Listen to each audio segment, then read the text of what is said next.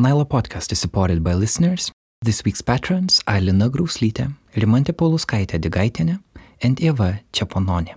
Join our listener community at patreon.com slash nanuk multimedia. Today's episode has an additional funding by European Commission. We made it in partnership with Diversity Development Group. My name is Karolis Vyšniauskas. This is today's episode.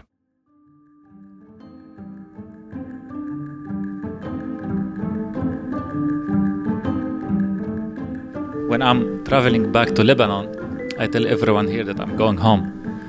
And when I'm leaving Lebanon, I tell them I'm going back home. So they ask me, how can you have two homes at one time? I would say it's simple.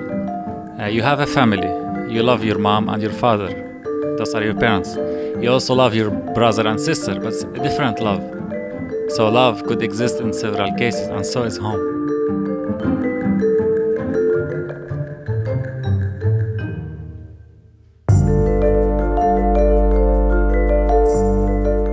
How does a place become a home? What kind of home Lithuania is? And how can we all make it better? On October 19th in Vilnius, at Ramintoje Church, we invited refugees, asylum seekers, and migrants from different places who are currently making Lithuania their home. The conversation was open for public. Participants were sitting in a circle and sharing their stories. They didn't know each other before, so we started with introductions. Here are some of the voices. Hello all, I'm Radwan Aid, a journalist from Syria, and uh, I've lived in Lithuania for three years, and I'm here based at the moment. Thank you very much for you for, for your time and for showing interest to come and listen to us. Uh, hello everyone, uh, I'm Şentürk Çelik from Turkey. Um, hi, thanks for inviting me. I just saw the event on Facebook um, and I just thought the topic was interesting. Um, my name is Iselin. I'm from Norway and I'm, wor- I'm working in Vilnius and I just um, arrived about half a year ago. Um, I don't know how long I'll stay, but for now, this is my home. Uh, hello, I'm Ugne. I'm just here as a citizen and interested in the topic. Hello, my name is Vsevolod, lietuviškai Visvaldas bus. Uh, I'm from Russia. I get asylum here a few years ago. Before immigration, I was a political activist in Russia, member of opposition movement. Uh, hi everyone, my name is Abdo. I'm originally from Lebanon. I've been in Lithuania for 12 years, and uh, Lithuania has became my country. Hello, I am Julia and I'm local. And actually, I came here because um, I love this podcast and I'm one of the patrons. Hello, my name is Lina. I am also local and I work here in Lithuania with refugees and migrants. My name is Wanzin. I'm from Singapore. I've been living in Vilnius for four and a half years. I work here. Yeah. Hello, my name is Ahmed. I'm from Egypt. I'm almost here for approximately one year. I'm just started my own business from here.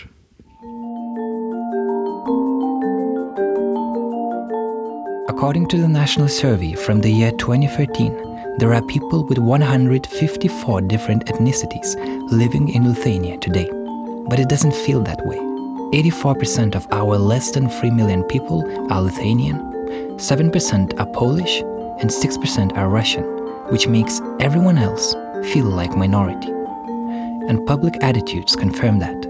A recent survey published by Ethnic Research Center showed that more than one out of three people in Lithuania wouldn't rent their apartment to a Muslim. And only one out of four believe that refugees can enrich a cultural life in Lithuania. The best way to change the attitude is to meet the people who are refugees and migrants themselves. This is what we're gonna do today. My colleague Martina started a conversation. She has recently interviewed the Syrian family living in Jonava town in Lithuania.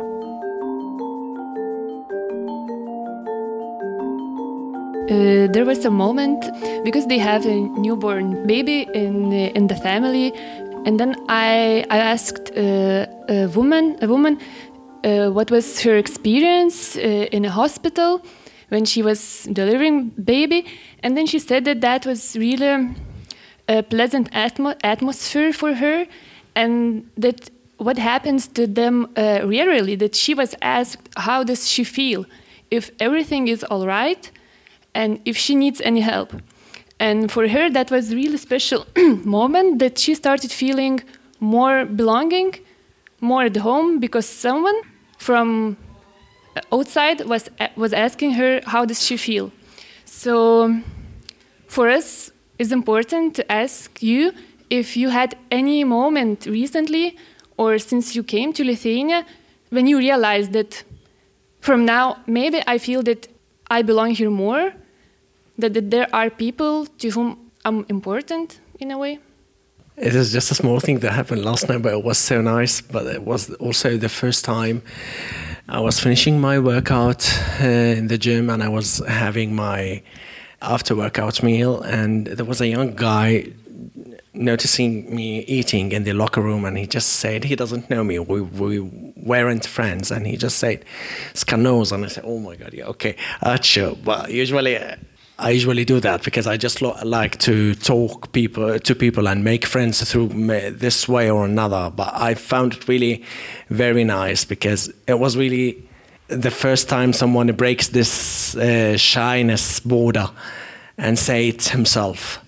So it's just a small thing, but it really made me so much pleased.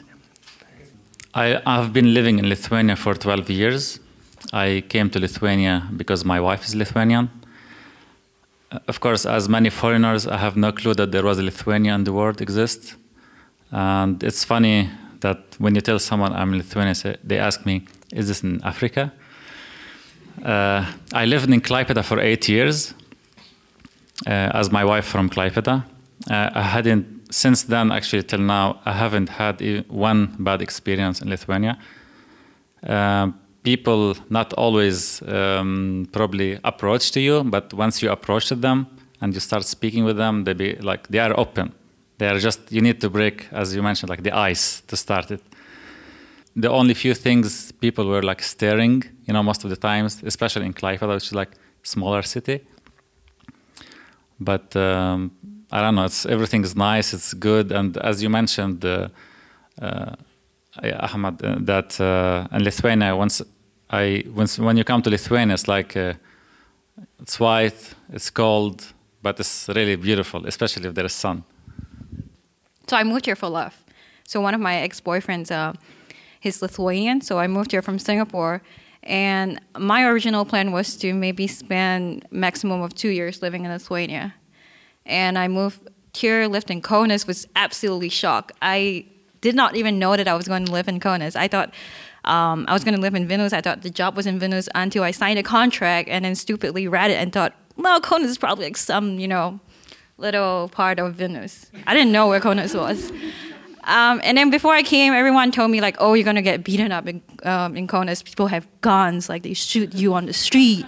And, you know, I'm from Singapore. It's like a very safe place. You know, you go out at night and nothing bad ever happens. So yeah, um, it was like a really interesting year living in Kaunas. Like interesting is a nice way to put it. So, yeah, and I think I moved to Vilnius, and then um, you know, a lot of things changed, and I became a lot more socially active. I met a lot more people. I think it, uh, I even adopted a dog from the local animal shelter.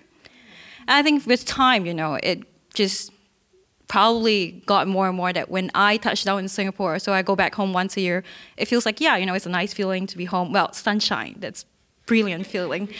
But also when I go on a business trip and I touch down in Vilnius airport and I actually feel like oh, really relaxed and like the feeling of home. So I guess it comes gradually. There isn't that moment that goes like, bam, that's home. So now, when you land in Vilnius, you feel like you are back home. Yeah, I mean, I feel comfortable enough, you know, to say but like, not yeah, in Kaunas.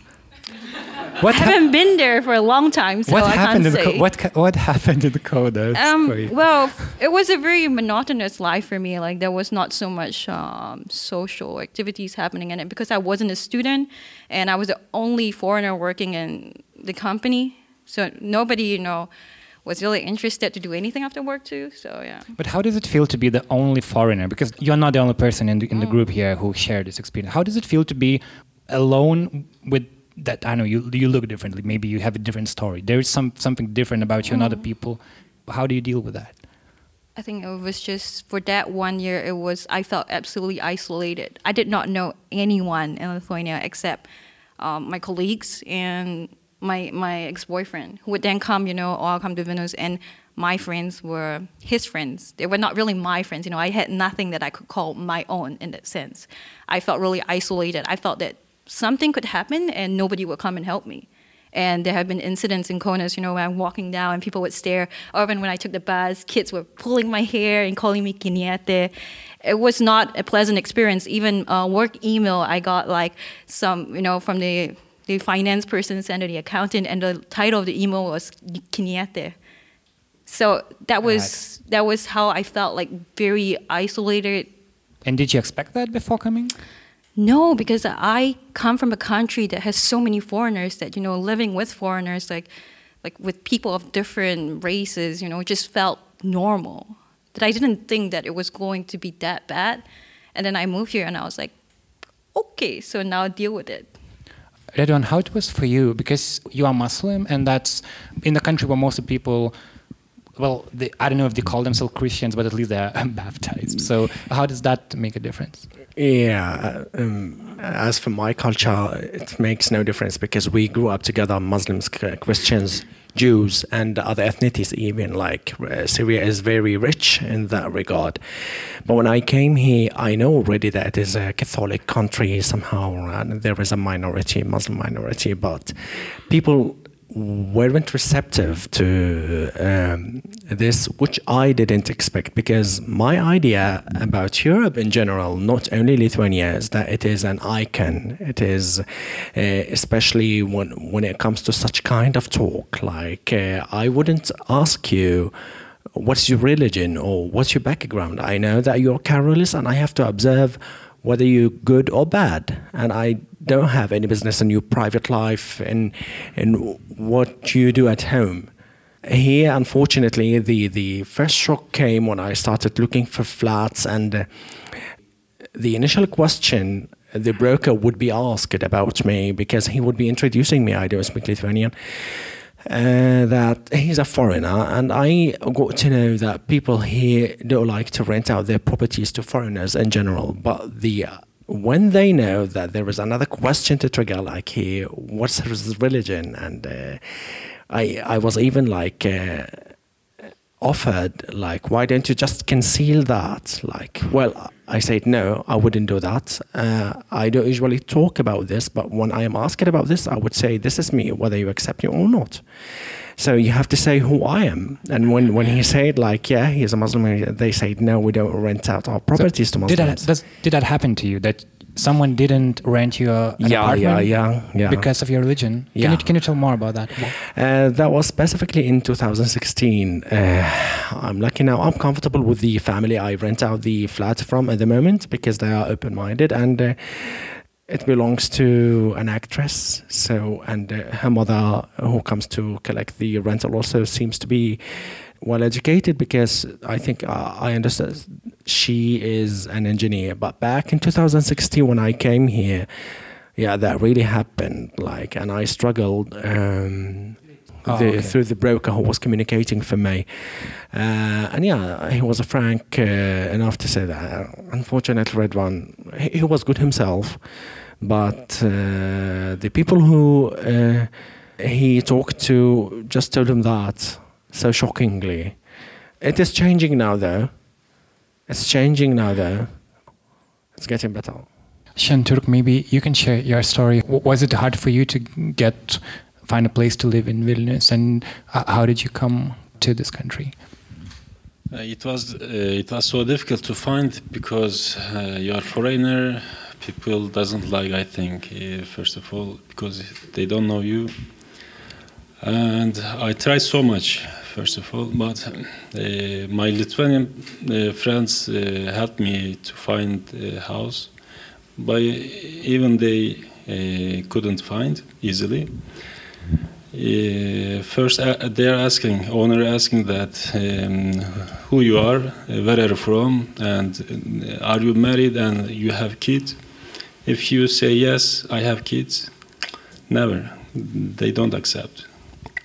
Because of law. I think if you have kids, they cannot uh, get out of the house. They are afraid. That's that's why they don't want to give. Um, uh, how did uh, how did I find uh, my Turkish friends uh, has left left home and I rent that house because uh, owner knows us and they believe us and that's why it, um, it happened easily. And you came from Turkey. Yes, Turkey, Istanbul. And did you plan to stay in Vilnius, or did it no, happen? No, no, never. I never planned to live here. I left Turkey and came here uh, because of political situation. I was working in a, um, a civil organization, non uh, NGO, and the government suddenly decided to to say you are enemy. He said that uh, for that uh, NGO.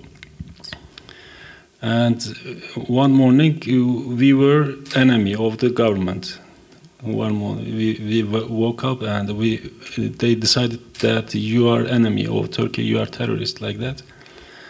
We, of course, all people has shocked and uh, we, we were hurry and we were shocked in a shock and uh, we asked lawyer. They said that uh, you are right, but that's government decision.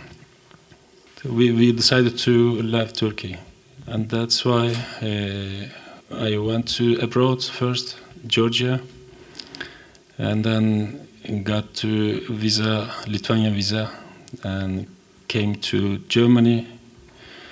I decided to go to Germany first because of um, they have more opportunities, but we have uh, some problem about uh, Dublin agreement, as you know. I don't know, you know or not because of Dublin Agreement, uh, Germany has sent to us here. Uh, we came here and we asylum here, and the government, after six months, accept us. Yes, you are right, because we improved our uh, rights, our position. And they said, okay, you can sit, you can live here, uh, and uh, unlimited. It's very. Um, how can I say, so value for me, for us, because uh, your situation is so negative and your morale is so negative and deeply depressed. And I separated two years from family. Two years I didn't see.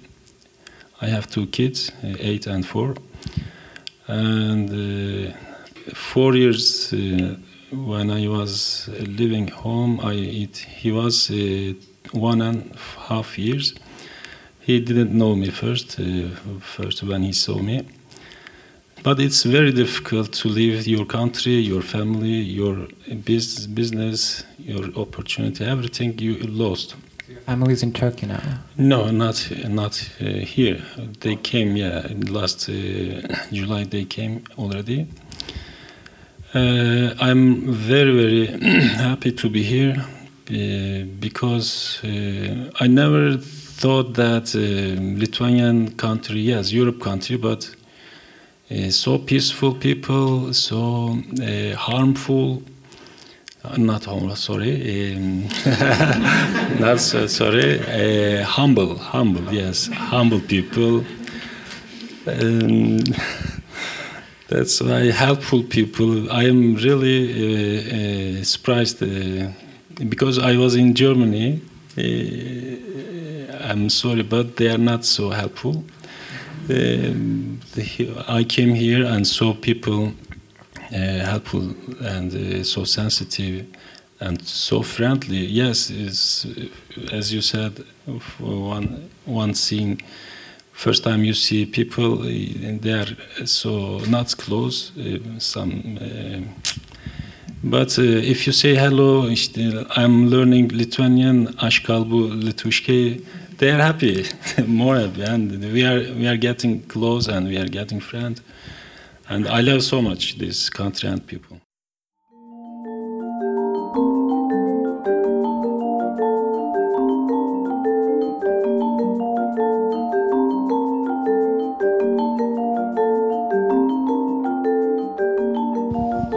actually uh, we Russians we don't have uh, such problems like people from, for example, Syria or from know, other Arabic countries or Turkey because we have the same color of skin. We have you know uh, Lithuanians knows sometime about Russians because we are neighbors. But uh, it was funny story with flat because one guy who didn't rent an apartment for us. He was a Belarusian guy, but so it was strange. But uh, when we uh, rented our new apartment, we had some strange experience and some funny experience because the first year we spoke only English with our neighbors. And after one year, maybe one and a half, they understand that we are normal people like like them, and uh, all of them start uh, speak with us Russian even people from Kaunas, they know Russian.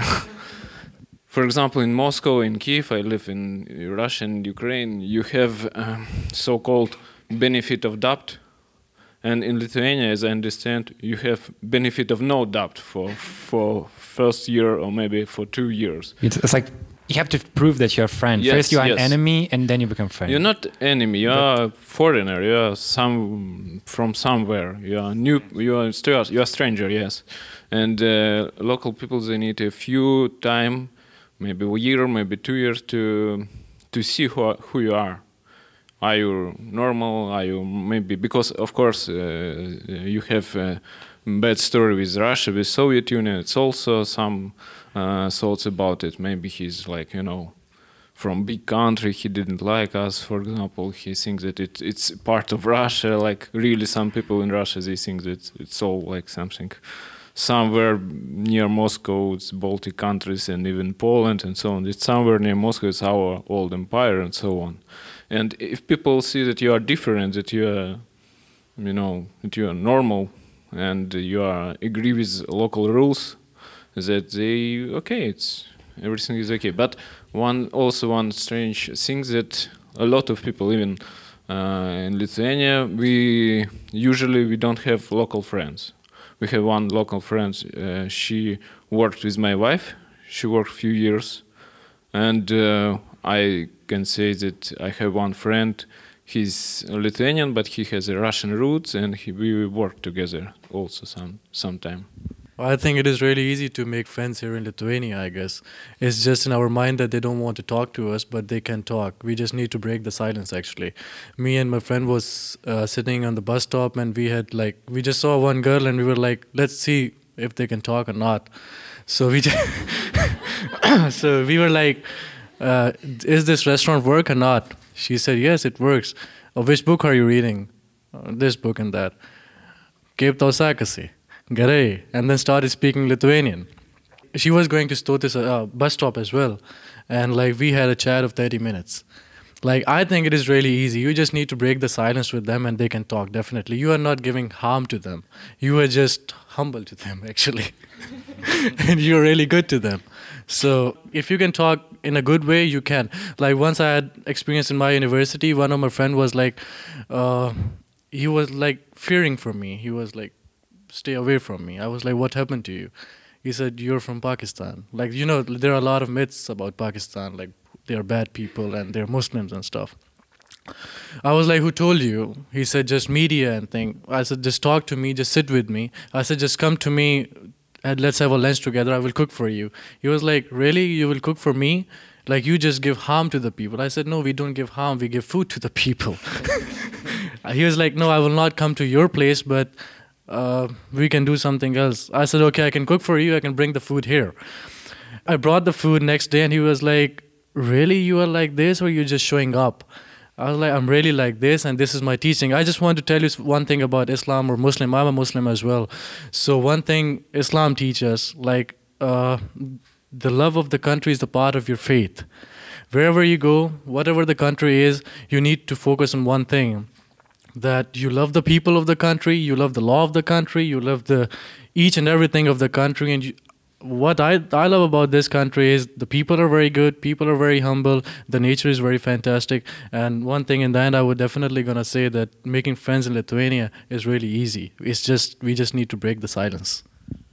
I think I didn't have friends in Kaunas probably because I didn't make an effort, maybe.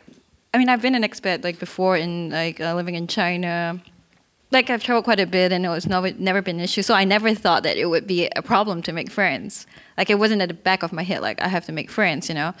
And so when I went to Kaunas, I just like we'll see how things go. Like just you know let it happen naturally. And because of the environment that I was working in, so I was working in. Uh, in uh, an office that was situated in a factory and that was outside of the city. It was not in Kaunas, like um, in the city itself, it was outside. So my daily routine was basically wake up, go to work, go to the gym, go home. And then there were like only two other girls who, were, two other people actually, who were the same age, like, you know, so these two girls, but they were university students, so they were working part time, and then they were just gone. And sometimes we would hang out, but it was just like I guess I didn't really make an effort to look for social events, and Kaunas has a lot of um, international events for students, you know, and I'm not ready to go like club to I drop on Wednesday. Nuh-uh. So so you know that was probably that. And then when I moved to Vilnius, um, I decided you got to start making an effort. If not, you're gonna die alone. So um, I went to couch surfing meeting I met some people. Um, unfortunately, like none of them stayed on as friends. And I met my friend here, Agla, because uh, she posted on Foreigners in Vilnius about like language exchange. Yeah. No, I was looking for English private tutor, and I and I wrote like, okay, if you are English native English speaker want to do some language exchange, we can do it. But I didn't expect anything. I was just looking for a tutor. Yeah, and we started like um, this exchange first. Like we would meet for tea, like for an hour each week, and we would talk like half an hour in English and then half an hour in Lithuanian. Like she was the one who taught me "shuda sukroju" when my dog had like blood in her shit, and I wanted to tell her that in Lithuanian, and she taught me how to say it in Lithuanian, and we still laugh about it because it's still funny. Um, my dog does not have like blood in her poop anymore. No worries, everyone. Um, yeah, so so then we stayed on, like became friends, and how I met the other friends of mine was just like really random from going out. I realized that the minute I stopped putting in the effort in Vilnius, it actually happened organically. But in Kaunas, it just didn't. I guess like it was just a very different environment. And I think there may be a difference between like when you are a student, when you are. Um, oh, sure. No, um, I definitely agree that I think there's a difference, big difference between being a student and working. So I've been living in actually many countries the last five years. Um, but I noticed when I came here to work, it was really hard because my colleagues they were always very busy, and um, I think that's yeah, it's uh, when you're a student, you there are maybe more natural situations where you meet and you're more social, but at work it can very easily just turn into work and then people don't have time or they have families maybe because they're older and then they're going away on the weekend to the village to hang out with their families and then you're alone in the city and everyone's away. So actually I have a funny story on that because the first week when I was working in the company uh, there was a social event on the Friday and I was very excited because I was going to meet all my new colleagues. And then we were going to meet at the bar at six o'clock and um, we all met there. And then at eight o'clock, everyone were they were tired. And they decided that they would go home, and we were about twenty people. So I came in the door in my home at um, eight thirty, and I just thought to myself, "Is this how it's gonna be?" um, but then, you know, with time, I think it's definitely a question of patience and. Um, yeah, I think it. And can you say that you have easier. Lithuanian friends now? Um, yeah, I do have some friends from the office and um, my flatmate, the best person in the world. Great. And how long have you been living here? Half a year. Half a year. Oh, so that's that's a good start.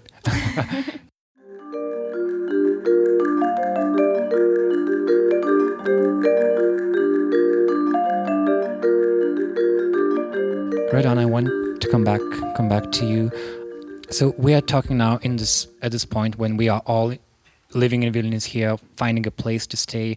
Um, but the journey to get here were very different ones. And you, you had a, a, really difficult journey here. You actually came here as a refugee. You have this story, and I think it's important if you could share that so then we have a better understanding of what does it take to get to Vilnius? And for example, a person like me who grew up in Lithuania, it seems that it's very easy. it's very very different for a person like you. Yeah. Fleeing Syria took time because, uh, first again, we fled our city, Deir ez-Zor, to Damascus because the city was invaded by the army uh, from the air, from the ground, from everything. So people really fled. Like, uh, uh, the regime started to target civilians and their homes uh, randomly. So it is very risky to stay in your flat, especially that we were almost hung in the sky. We were in the last flat of the building, so it was so risky. So we fled, just fled with what we were wearing. We went first to the basement, staying safe for, for a day, but once the situation got a little bit better, we fled to Aleppo. And from Aleppo, we said, once we went to Aleppo, Aleppo was calm, was nothing, and uh, we stayed there for some 20 days, and it was Ramadan, the season of fasting for Muslims, and the regime would deliberately start the bombardment, and uh, its fighters would start shelling at the we call it the adhan time. It is uh, the sunset time when you break fast especially at that moment uh, they start. For whatever reason there are many reasons. I don't want to dis- discuss these now because it makes no sense. Yeah but they deliberately uh, mean that. So we stayed there say for for 20 days in terror as well and um, we couldn't continue because the the city became also uh, a flame of fire after all. So we fled again to Damascus. All of that, uh, I almost had no identity paper um, except for my ID card. Staying in Damascus, say for some three years, doing nothing. I can't even work because I had left the newspaper I worked for before for the same for security reasons as well and uh, I can't work for the private sector because my paper would be checked by the intelligence intelligence agencies there. This is the like if you apply for a job like like any other check for clearance or whatever they would check the name and they would find out that I didn't do my military service and I might be also uh, uh, wanted for political reasons. So I was doing nothing for three years, so it was risky to stay there. And I just keep triggering uh, problems, if I can say it this way, because writing in the media will just put me in more troubles. So a decision was made that I have to flee the country in a way or another. I crossed the border walking. Uh, actually, first I went to my hometown, ez-Zor, and from there to Raqqa, car transportation normal. Then we crossed to a village, the nearest village in Turkey, some something with Ali. I don't know what is the name of the village. I can't recall after all. And then we walked again, I, uh, and then we took a car again, and I, and I didn't know that was the first time I do that. I thought I was going there like like like a tourist i took all my books with me all my dictionaries and all that was burdening me. So if i had i known that i i would have all that long journey i wouldn't have taken anything because it was really taxing like two boxes of, of books and other stuff like what the hell i'm doing i just thought of just throwing them in the middle of nothing and just bike it. But yeah, that was really hard. It took almost one day to, after all, uh, arrive in Mersin. It was the city I went to there in Turkey. And yeah. I, but before coming to Lithuania, you didn't really know the country. You didn't plan to come. Never here. really, never. There was a program for relocation, and they just uh, suggested the program, the country, and uh, well, what I knew in Europe, like, I'm not that good uh, at geography anyway, but because this is what we see in films, what, what we uh, get a chance to hear of either in the books we studied uh, in our schooling, like the UK, Germany, Luxembourg, Spain, but we didn't know really any of those uh, small countries, especially the Baltic region. So when they say Lithuania, I didn't know what is Lithuania. But that made me feel not very much ashamed later because I got to know that really some Europeans didn't know themselves. Yeah, but for that I felt uh, what a pity because it is uh, one one continent. They they should know each other all. Yeah. Well, to be fair, we don't really get taught that much about Syria in our school. Yeah, I in know. our I know. as well. I know. And uh, first, you got into this migration center in Lithuania, and then you you you went to Vilnius. Right? Yeah, of course. Yeah. Okay, Lina, maybe you can share a little bit of how do people get into Lithuania and how people like you are helping them to make them feel more welcome here. Hello. So I used to work like um, for a year as caseworker, like uh, uh, with refugees who come to Lithuania. So how like it usually works. So there are like different reasons people come. Like it could be political reasons. It could be because of war. Like people, some people come voluntary to Lithuania and they ask for asylum at the border. Um, so, or at the airport also, they could uh, request for asylum to fill like um, documents, or like there is also like resettlement program. Like so, usually people from Greece or Turkey, like they're resettled uh, directly to Lithuania, and usually like the screening process, like it happens like before. Like so, usually they they get like their permits to live here like faster. But um, if people ask for asylum at the border or they or they are caught somewhere like crossing Lithuania, so usually it's like a long process, like to wait for their residence permit, like to determine like if they're getting asylum or not in Lithuania. So minimum time usually it's three months, but it can take up to two years when people live like at Pabrade Foreigners Re- Registration Center. Or Rukla, I guess. No, Pabrade, foreigners registration. And then uh, at that place, they are waiting for the answer if they get asylum in Lithuania or not. How does the life there look like? I don't know, maybe some people here uh, who live like in Pabrade, maybe they would could describe better. You are already in shock. You left your Turkey, your your family, your country, your uh, positions, job, everything you left, you lost.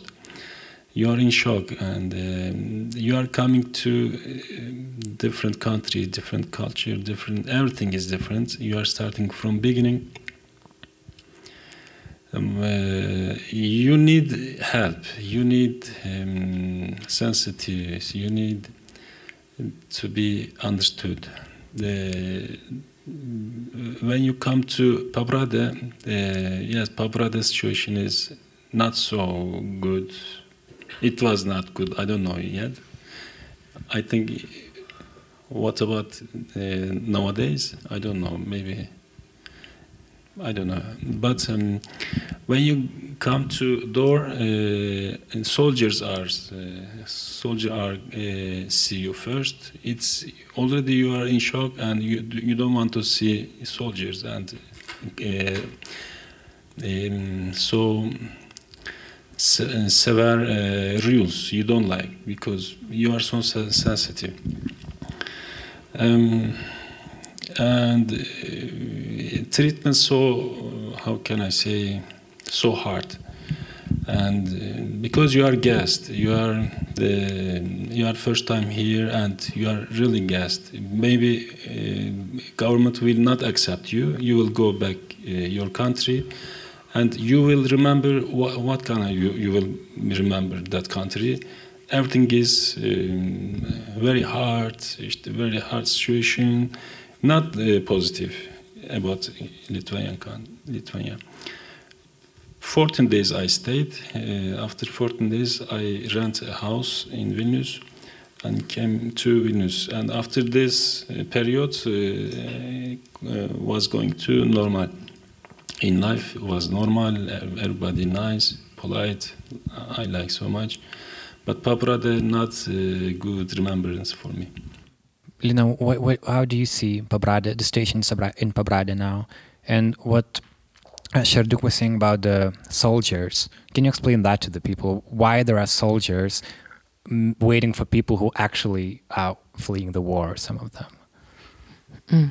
Uh, it's difficult for me like to explain that because it's set in contradiction because as you said like people are fleeing war but like um, all two uh, refugee centers we have like they are next to military bases actually like so i think it's certain maybe perception of people that people coming from other countries maybe some danger to the country or something like that so need some protection. So it could be some some reasons why they are based like next to military bases.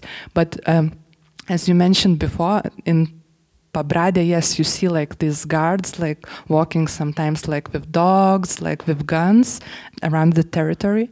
And uh, for me, what was most shocking, like it's like the clothes sector uh, which we have. Um, like in the closed sector, usually people who don't have like documents or who try like um, maybe tried to escape uh, or maybe got like I don't know some slight problems, but but usually they are not criminals, but they are locked in. So we were visiting just a few weeks ago, like so you need to go like through free like locked doors like to reach people and often you communicate like behind the bars so so and uh, the physical conditions and psychological Sounds are like very a prison harsh. in a way.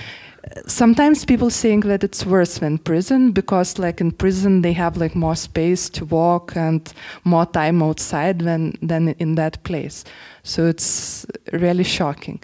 But yeah, on the other hand, conditions are a bit improving in Pabradė, what I saw from at least physical uh, conditions, because they're building now, like, and about to finish, like, some uh, playgrounds and, like, some sport um, um, places. So, so conditions are a little bit improving, but still, I think, long way to go. I may, uh, Sure. Jump in. Um, I might know a bit uh, more. Um, uh, I conducted my survey and I was being um, volunteer in Caritas and Red Cross.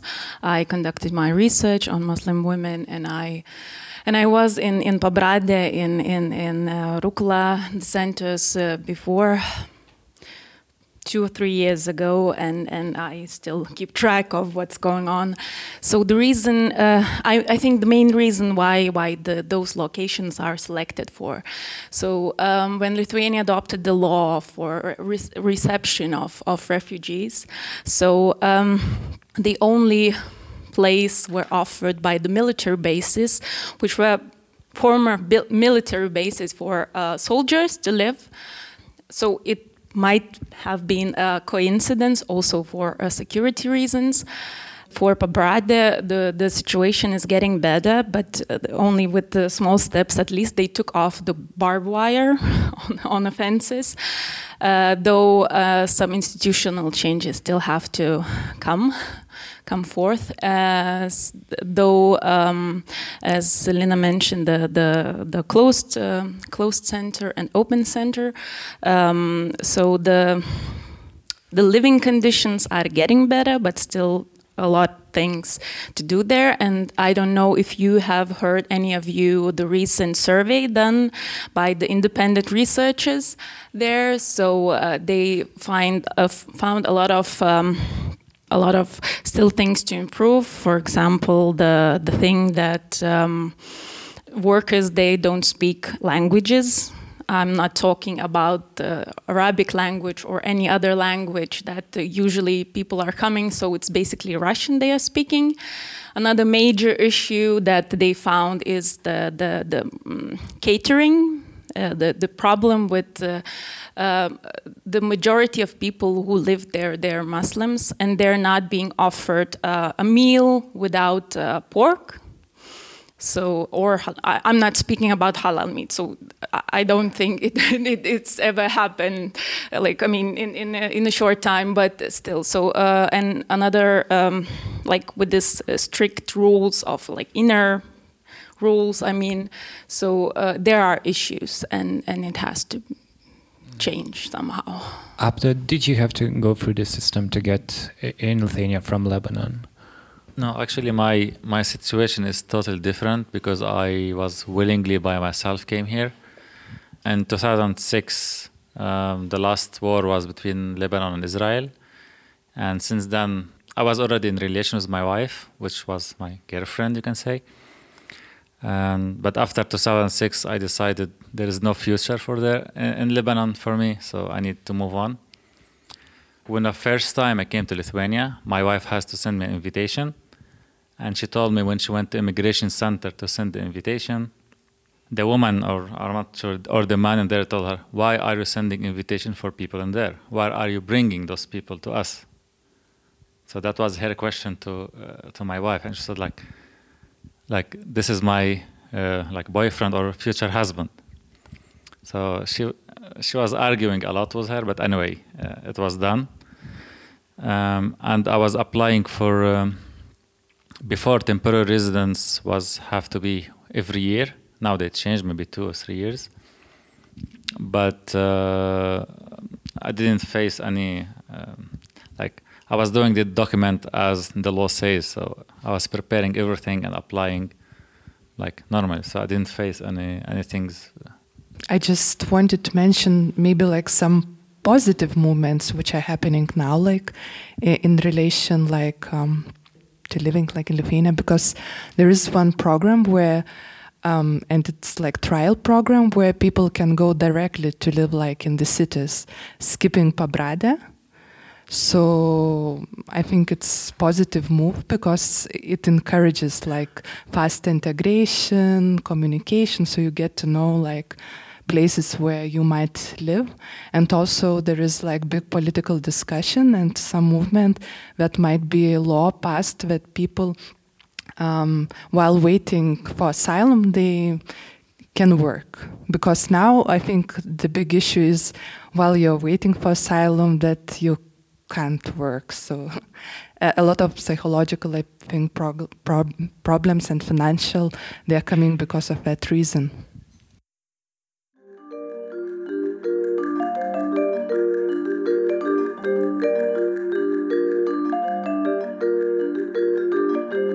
We're talking here about how do you make Lithuania uh, more welcoming and uh, people working for human rights organizations. A lot of journalists also we want to um, we want people here to to feel safe, to feel welcoming.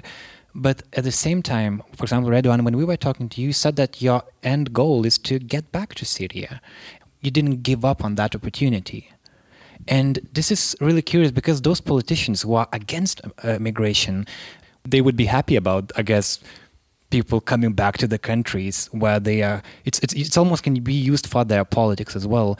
But then those people who are trying to make Lithuania more welcoming then they're thinking but if your end goal is to don't stay here then why should we bother? And and I'm curious for people who who are here are you planning to are you planning to stay here? Or are you planning to or do, do you think the end goal is to get back to to where your family is? And how does that change the whole situation? Can you make a new country a new home, or is it where the home where you grow up, and this is just a temporary stop?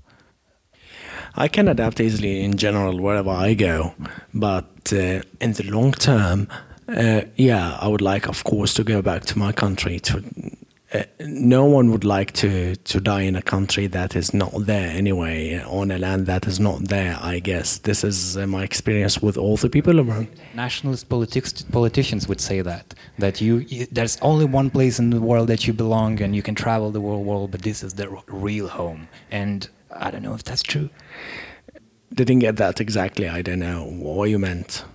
I think that you can make lithuania your home. I, I, I believe I, so but i wonder is it that narcissistic from me as a Lithuanian to want you like feel like you're home here? Because then no, we, we can be friends here and you can yeah no I know I would, I would, even I understand it the other way. I would appreciate it for you because um, like you want me to stay in your country if you want me to to make your country as my home while I'm still open for that. And uh, in general I follow the opportunity uh, like um, if there is really a good opportunity a good chance to stay here for for, for good future, uh, I don't mind. And uh, once um, the problem in Syria is resolved, at least I can fly there, visit, and uh, there's no problem. I, I go back and forth. If there is a good a good uh, opportunity in Luxembourg, in Germany, in the UK, I go. So that's in general, and I'm open, as I said. I'm really an easy guy to adapt in a place, and uh, I'm open to the people, and I started also to uh, absorb like this is just their nature. If I, if there's anything bothering me, this is just their nature. And, but yeah, I can make it my home. When I'm traveling back to Lebanon, I tell everyone here that I'm going home. And when I'm leaving Lebanon, I tell them I'm going back home. So they ask me, how can you have two homes at one time? I would say it's simple. Uh, you have a family, you love your mom and your father those are your parents. You also love your brother and sister, but it's a different love. So love could exist in several cases, and so is home. So to me, I have home, and I always say I'm going home and I'm coming back home. That's beautiful. How is it for you when you say when you're flying back to Singapore? Are you saying you're flying back home? It's actually exactly the same. Like I completely understand like what you mean because I tell my friends I'm going home. I'm going back to Singapore. Enjoy the cold um, but then I come back to Lithuania and I say, bye bye, I'm going home, you know. Enjoy the warm for me.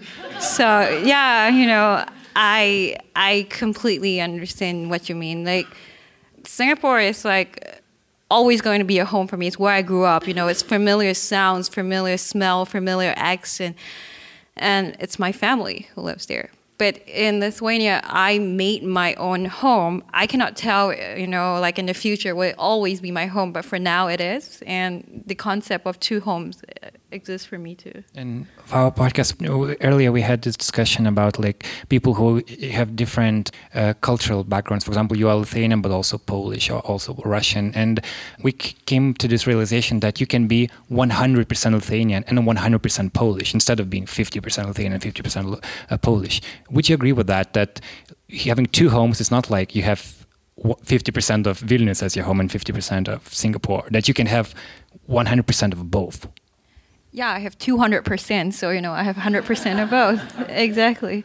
Well, it's also funny that you talk about this like whole Lithuanian, like Polish and like that they, you know, like for example, Lithuanian Russian and they still have like a strong Russian identity and at the same time being Lithuanian because um, where I come from, you know, I'm Singaporean Chinese, you know, so um, it does help that okay, maybe because I'm majority and I never understood how the minority felt, but I never, let's say, played my Chinese identity so much that I never realized it was a thing till I came to Lithuania. That there was like, you know, for example, in Vilnius, it's kind of like, oh, they are the Polish speaking people and then the Russian speaking people, but they're all Lithuanians and they're all from Vilnius. And that for me was a, it was kind of weird concept that there was still like segregation, even though technically speaking, everyone's Lithuanian.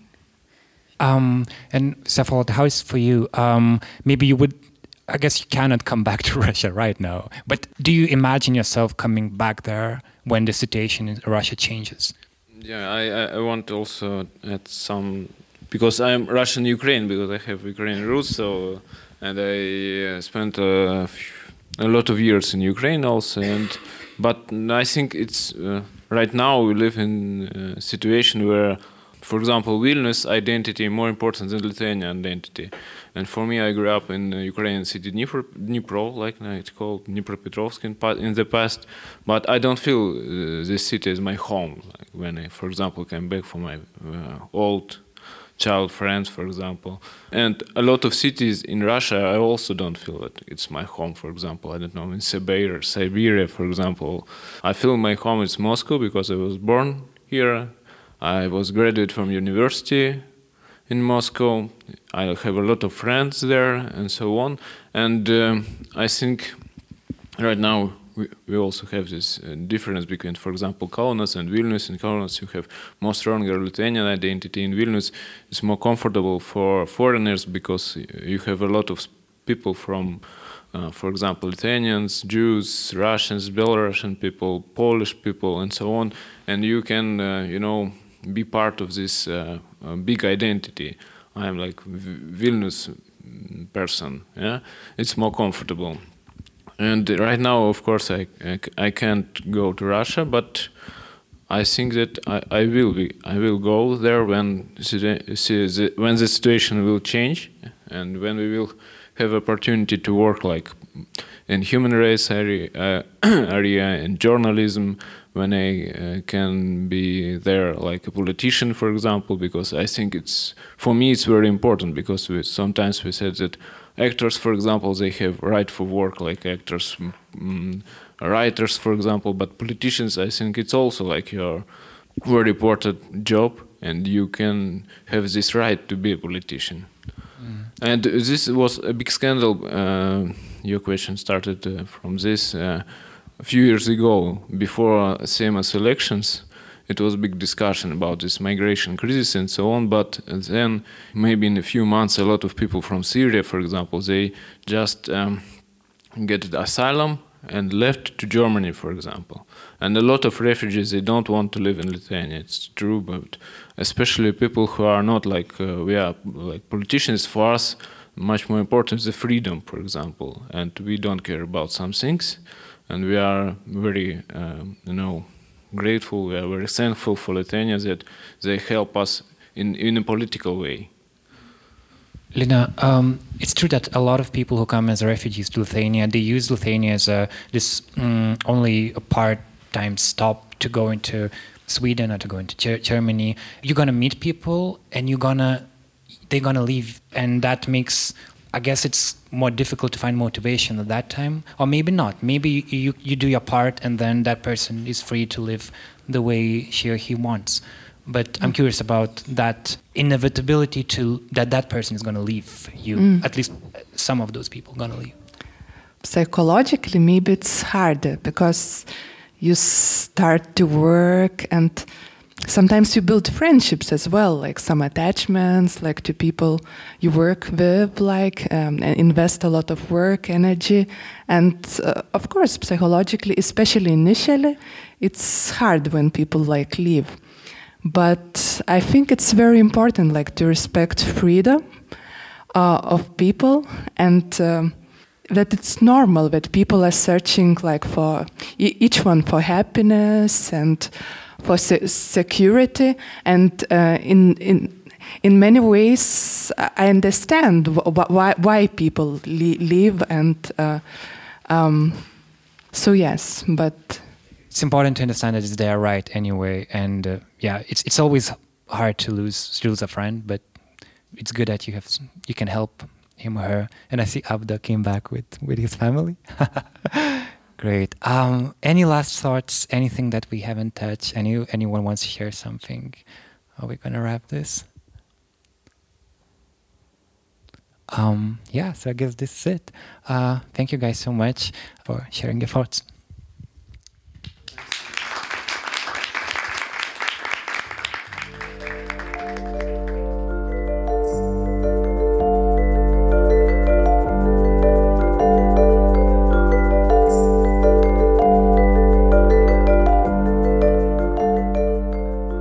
That's our show today.